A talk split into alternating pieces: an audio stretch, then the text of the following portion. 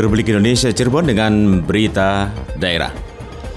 Lihat mekanismenya kalau uh, rapid misalnya kita sasarannya siapa? Sudah jelas ya. Kita ambil random misalnya dari pemudik itu kan atau misalnya dari kerumunan orang. Kita lihat petakan sebetulnya tempat-tempat di mana aja sih yang berpotensi menyebarkan virus COVID-19 ini. Kemudian kalau swab biasanya penegakan diagnosa diawali dengan ODP, ya misalnya kan kasus ODP, kemudian kasus PDP di bulan Juni ini memang cukup tinggi. Jadi prediksi rob periode ini di sepanjang bulan Juni ini masih akan terus terjadi. Jadi untuk masyarakat di pesisir pantai utara Pulau Jawa itu selama bulan Juni ini diharap masih tetap waspada.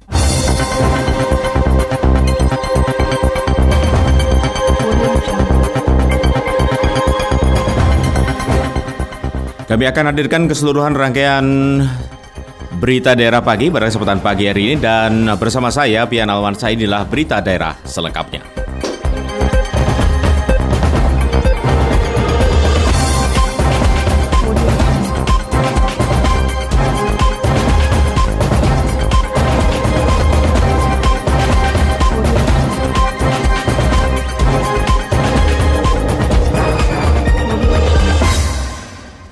Kami mulai informasi pertama, rapid test dan swab berpengaruh dalam tingkat akurasi. Selengkapnya dilaporkan Yulianti.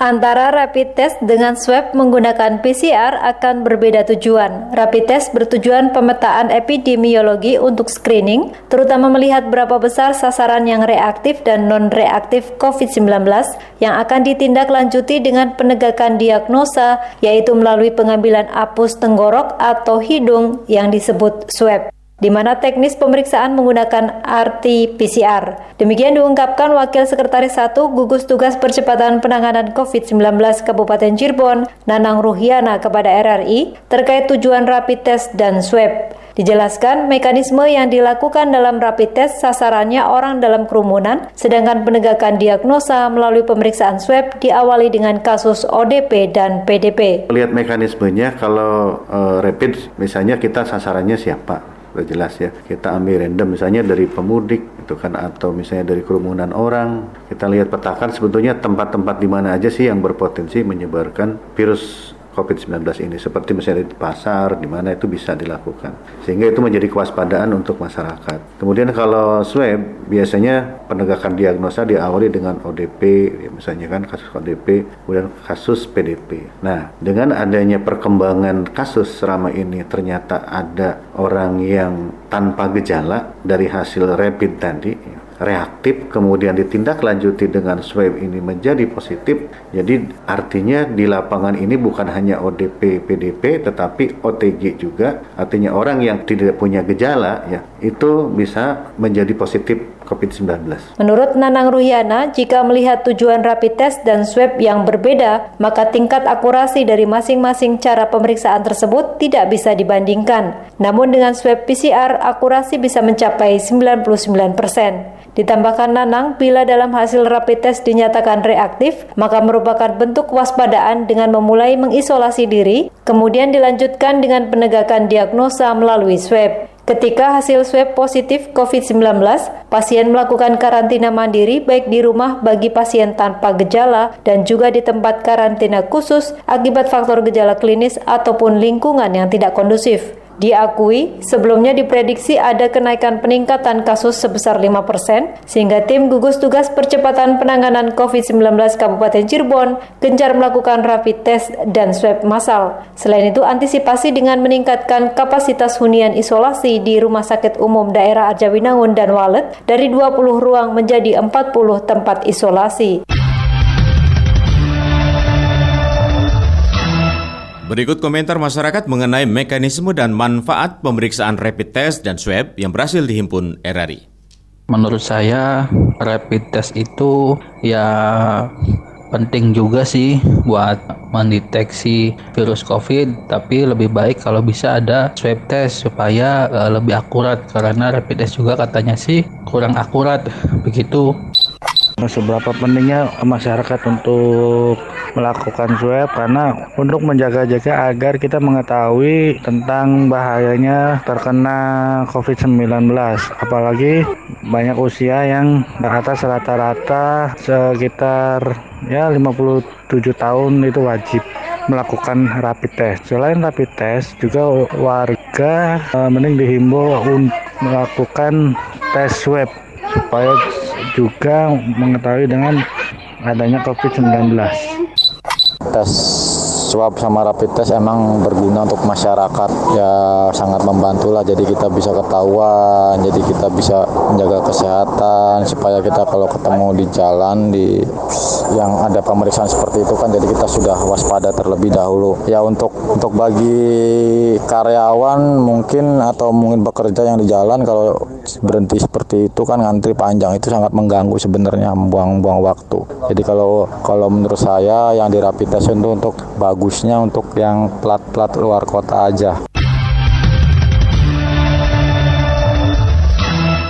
Dan untuk membahas lebih lanjut mengenai mekanisme dan manfaat pemeriksaan rapid test dan swab, kita akan ikuti wawancara reporter Lengga Ferdiansa dengan Sekretaris Gugus Tugas COVID-19 Kota Cirebon, Dr. Sri Lailan Erwani terkait dengan pelaksanaan rapid test, web, ya. dan juga PCR. Penjelasannya seperti apa ini dok? Kalau rapid test itu tes cepat ya untuk mengetahui apakah seseorang sedang terinfeksi atau tidak. Jadi karena yang kita lihat itu antibodi tubuh kita yang membentuk perlawanan atau tubuh kita yang terbentuk antigen dan antibodi namanya. Antigen itu dengan antibodi kita itu menunjukkan kita sedang terinfeksi. Tapi tidak khas infeksinya COVID jadi bisa dia positif kalau dia sedang kena demam berdarah bisa positif. Kalau dia kena sedang tifoid atau sedang penyakit lain dia bisa positif. Tapi kalau swab swab itu cara pengambilan. Pengambilan melalui hapus tenggorok hidung dengan nanti pemeriksaannya metode PCR. Jadi swab dan PCR ini ada satu cara pengambilannya metodenya dan PCR. Yang satu rapid test itu dengan pengambilan melalui darah tepi, jadi dicoblos gitu tangannya kan, ya. nah, melalui darah tepi atau pengambilan darah dari pena dan pembuluh darah langsung di jadi ditaruh di alatnya, kemudian disetkan dengan pemeriksaannya, cairan reaksinya, nanti akan kelihatan apakah positif atau negatif sama seperti dengan pemeriksaan kehamilan gitu. Nah kalau yang swab pengambilannya melalui hidung ke tenggorok, masukkan melalui hidung dan tenggorok ada alatnya ya seperti kami ya. yang kemudian langsung dimasukkan ke dalam tabung ditutup kemudian dibawa dengan ada media transportnya dibawa untuk diperiksa di laboratorium khusus ya. dengan kriteria khusus dengan metode PCR itu nah itu PCR itu adalah metodenya ya. gitu ya kan itu ada virusnya yang periksa kalau ini penanda ada infeksi kalau itu virusnya Ya. Nah, jadi kalau rapid test positif belum tentu dia karena virus COVID, tapi bisa juga virus COVID. Tapi kalau yang PCR memang khusus untuk COVID. Kita mengambil virusnya itu memeriksa virus COVID-nya itu COVID-19. Ya. Nah itu bedanya. Makanya PCR itu yang dipegang. Tapi kalau kita dalam keadaan pemeriksaan massal yang waktu cepat kita eh, ingin melihat misalnya ada di situ positif kasus kemudian atau kita curiga apa dia dari daerah red zone kita periksa bisa pulang lupa kita periksa takut terkontaminasi kita periksa nanti kalau sudah dapatkan reaktif ya kita periksa lagi jadi kalau tesnya reaktif positif kita periksa lagi dengan PCR yeah. benarkah ini virus COVID itu hmm. jadi sebenarnya COVID itu apa PCR itu yang yang pasti virusnya seberapa maksimal dok PCR ini untuk mendeteksi virus? Apakah memang terdeteksi memang virus itulah. COVID? Iya, memang hmm. itulah pendeteksi virus COVID. Hmm, ya. Itu kalau memang pelaksanaannya dengan cara yang benar, pengambilan swabnya dengan benar, kemudian tidak ada kendala di laboratoriumnya, dia harus segera dibawa, kemudian ditaruh di ruang beku, kemudian diperiksa, diekstrak, virusnya kemudian diperiksa. Pemerintah Kota Cirebon melalui Dinas Kesehatan Kota Cirebon ini sedang gencar-gencarnya melakukan rapid test atau swab. Mungkin seberapa besar manfaatnya ini dok? Eh, apa memutus rantai dengan cepat, ya. kan? Jadi kita harus melihat seberapa, eh, kita harus menemukan banyak melakukan pemeriksaan sebanyak mungkin Sehingga kita bisa, kenapa kita bilang memutus rantai? Nanti kalau dipisah banyak mungkin akan ketemu banyak, tuh kan? Yep. Dibanding dengan kalau kita tidak misalnya banyak. Ada ketemu, kemudian kita kan karantina. Segera Anda makan bergizi, kemudian yang muda-muda makan bergizi karantina yang tidak memiliki gejala, segera karantina diri sendiri, kemudian jangan keluar-luar, jangan berkontak dengan orang, sehingga ke sini dia bisa dieliminir oleh tubuh sendiri, dia kan akan mati. Tapi kalau dia nemplok lagi ke orang lain, ya terus berkembang-berkembang kan, nemplok lagi, nemplok lagi. Nah, jadi kalau di negara yang uh, memiliki dana yang banyak, ini dia masih melakukan uh, PCR. Ya. Di situ ketemu langsung silahkan Anda yang sakit diobati di karantina, yang orangnya tidak bergejala silahkan mengkarantina diri sendiri, makan bergizi, olahraga dan lain sebagainya dengan pola hidup sehat sambil ditunggu dua minggu, kemudian dia akan sembuh kembali. Karena minggu depan akan dicek, di, dicek lagi, sudah 14 hari dicek, oh ternyata negatif, dua kali negatif dia udah sembuh gitu. Itu yang uh, semakin kita masif, semakin cepat kita bisa memutus mata rantai itu. Cuma tidak sebesar itu anggaran kita, tapi kita rencana untuk Cirebon kita melakukan, insya Allah kita akan melakukan satu persen dari jumlah penduduk kota Cirebon. Kalau 140 ribu berarti 3.400 yang akan kita lakukan PCR. Kalau di untuk di Jabar itu 0,6 persen yeah. untuk rencananya gitu ya. Hmm. Uh, sementara di Korea Selatannya 1,52 ya, 1,52. Yeah. Tuh, karena ini kan besar biayanya untuk PCR ini. Sampai saat ini, dok, sudah berapa orang warga kota Cirebon yang sudah dites PCR? Lakukan rapid dan PCR. Hmm? PCR sekitar 120-an nih. Hmm. 120-an. Kemudian untuk rapid 3.000 lebih ya. Hmm. Saya kurang tahu pasti angkanya karena bertambah terus setiap hari ini. Yeah kemarin 3000 berapa ya 120 kalau rasanya. Untuk targetnya sendiri bagaimana dok? Ya itu kita rencanakan satu persen. Hmm. Kalau rapid kita rencanakan dulu kan 15 ribu sekian gitu rapid, tapi sekarang kita alihkan ke PCR karena sudah ada sekarang kan pemeriksaannya. Dulu kan kendalanya PCR itu kita harus mengirim ke Jakarta dan sampai sebulanan baru hasilnya ya. kan. Hmm. Sementara orangnya udah sudah mana-mana gitu. Jadi sekarang udah ada di Gunung Jati, pemeriksaannya ada di rumah sakit Selatan yang mempercepat hasil pemeriksaan 2-3 hari gitu.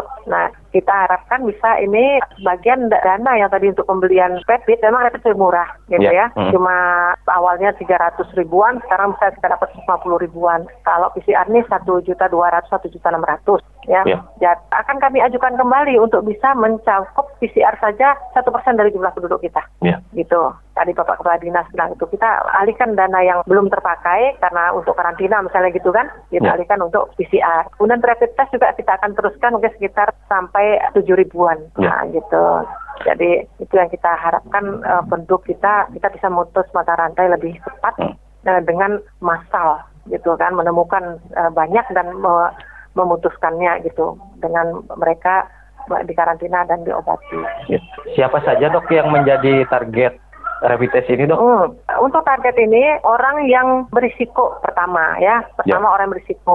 Satu orang yang sekitar orang yang positif, yang kontak dengan yang positif, yang bergaul dengan yang positif, kemudian dengan orang yang PDP, kemudian orang yang keluar masuk kota Cirebon, kita mungkin ada keluar, bentar masuk lagi atau keluarganya yang datang jadi ODP, ya. kemudian OTG, OTG itu ada positif di situ tapi keluarganya yang tidak memiliki gejala gitu kan dan di rapid negatif tetap kita PCR ya. karena bisa jadi tidak kelihatan dia di rapidnya gitu mungkin belum ke, tumbuh kebalannya gitu. Jadi OTG orang tanpa gejala, kemudian ODP orang dalam pengawasan, kemudian PDP pasien yang juga apakah ini akan berkembang jadi COVID atau tidak gitu kan. Kalau dulu kan kita nunggu lama hasilnya PDP kan. Ya. Nah, PDP orang-orang yang gejalanya seperti ISPA, flu, mungkin pulang dari Jakarta, pada belum tentu ya apa yang belum tentu COVID tapi dia udah sakit tapi ada dari daerah red zone gitu. Kemudian dia sakit flu atau orang yang flu like syndrome batuk-batuk tapi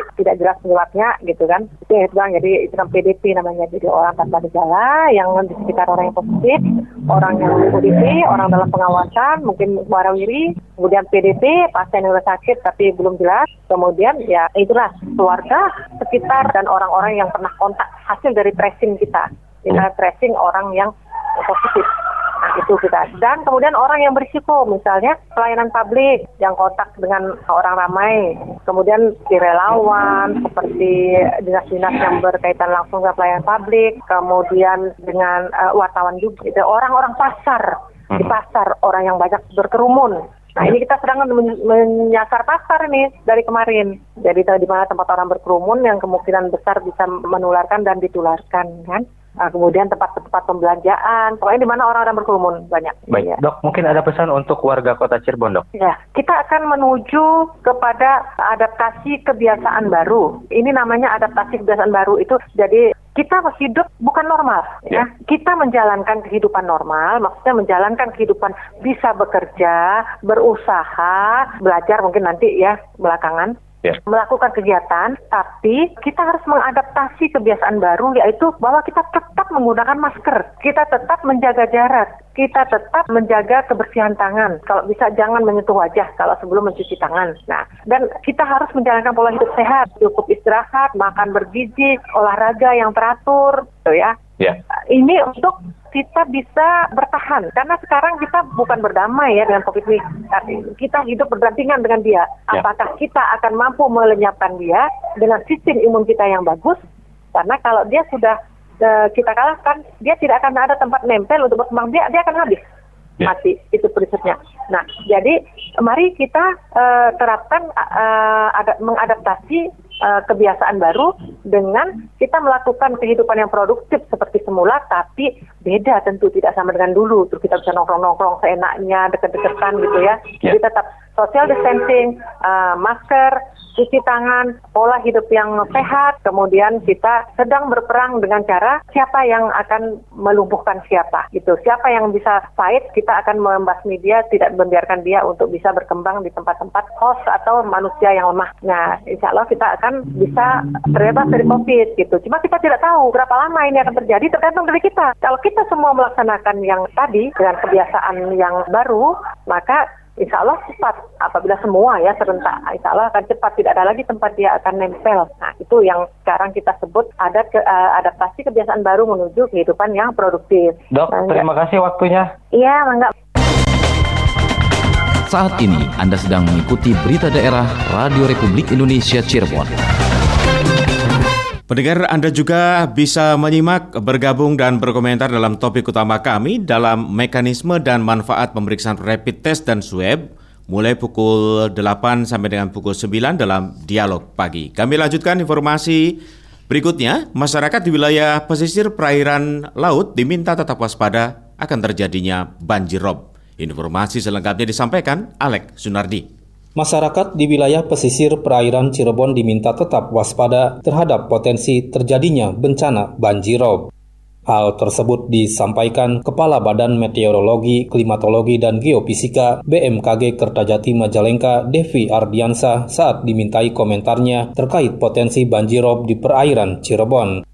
Menurut Devi Ardiansa, banjirop di perairan Cirebon diprediksi masih akan terjadi hingga akhir bulan Juni karena gelombang air laut masih cukup tinggi di masa peralihan musim atau pancaroba. Potensi banjir karena rob ini di bulan Juni ini memang cukup tinggi. Jadi prediksi rob periode ini di sepanjang bulan Juni ini masih akan terus terjadi. Jadi untuk masyarakat di pesisir pantai utara Pulau Jawa itu selama bulan Juni ini diharap masih tetap waspada karena memang di bulan Mei Juni ini mengalami anomali positif nilai rata-rata normal muka air lautnya. Jadi dia ada penambahan. Jadi selama bulan Mei Juni ini masyarakat di pesisir utara Pulau Jawa diharap tetap waspada akan terjadinya lagi banjir rob. Beberapa waktu yang lalu banjir rob melanda seluruh wilayah di pesisir perairan Cirebon seperti di Desa Ambulu, Kecamatan Losari, Kabupaten Cirebon yang terjadi hampir setiap hari terutama saat sore hingga malam hari.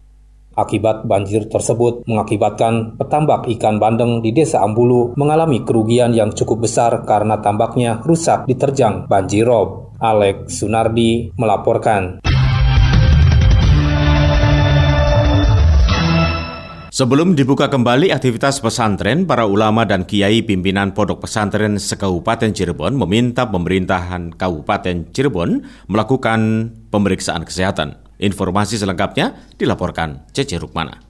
Menuju pelaksanaan tahun ajaran baru, para ulama dan kiai pimpinan pondok pesantren se-Kabupaten Cirebon yang tergabung dalam Rabitah Ma'ahid mengadakan audiensi dengan Bupati Cirebon. Usai audensi, Bupati Imron mengatakan pada intinya pertemuan tersebut seluruh pondok pesantren mengajukan untuk dibukanya kembali pembelajaran di pondok dengan tetap mematuhi aturan protokol kesehatan. Namun sebelum aktivitas pesantren dibuka, mereka berharap pemerintah daerah dapat hadir memberikan kemudahan dalam protokol kesehatan berupa pemeriksaan kesehatan. Yang pondok itu tapi juga harus mengikuti protokol kesehatan. Dia pun minta di antaranya kalau ada dari pemerintah apa yang akan diberikan diberikan oleh pemerintah supaya mengikuti protokol kesehatan. Dan dia pun minta dari kesehatan apakah apa ngecek apa rapid test atau swab ataupun apa eh, kesehatan kesehatan yang lainnya.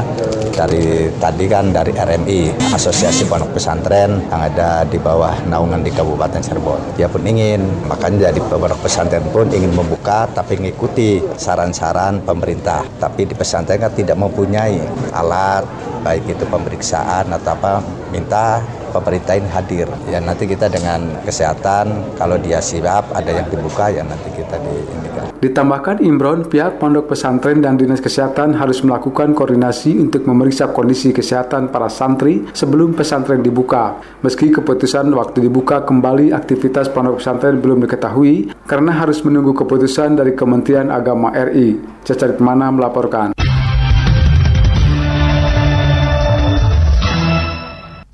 Di tengah pandemi COVID-19, Polres Majalengka melakukan terobosan ketahanan pangan masyarakat dengan mengembangkan tanaman hidroponik kangkung dan budidaya ikan lele. Laporan selengkapnya disampaikan Muhammad Bakri. Untuk menjaga ketahanan pangan dan masyarakat tetap produktif di tengah pandemi COVID-19, Polres Majalengka melakukan terobosan inovasi baru dengan mengembangkan tanaman hidroponik kangkung dan budidaya ikan lele. Kapolres Majalengka AKBP Bismo Teguh Prakoso menjelaskan dengan memanfaatkan lahan yang ada di polsek-polsek bersama masyarakat menanam kangkung dan budidaya ikan lele. Melalui kegiatan tersebut, ketahanan pangan masyarakat tetap terjaga. Ditambahkan, program ketahanan pangan di tengah pandemi COVID-19 menuju adaptasi kebiasaan baru AKB akan terus dikelorakan bersama masyarakat dan para pegiat, baik pegiat dari perikanan, pertanian, dan UMKM. Masa pandemi COVID-19 ya, ini adalah bagian dari kita ya untuk senantiasa berinovasi dalam rangka memberikan kemanfaatan buat masyarakat ya.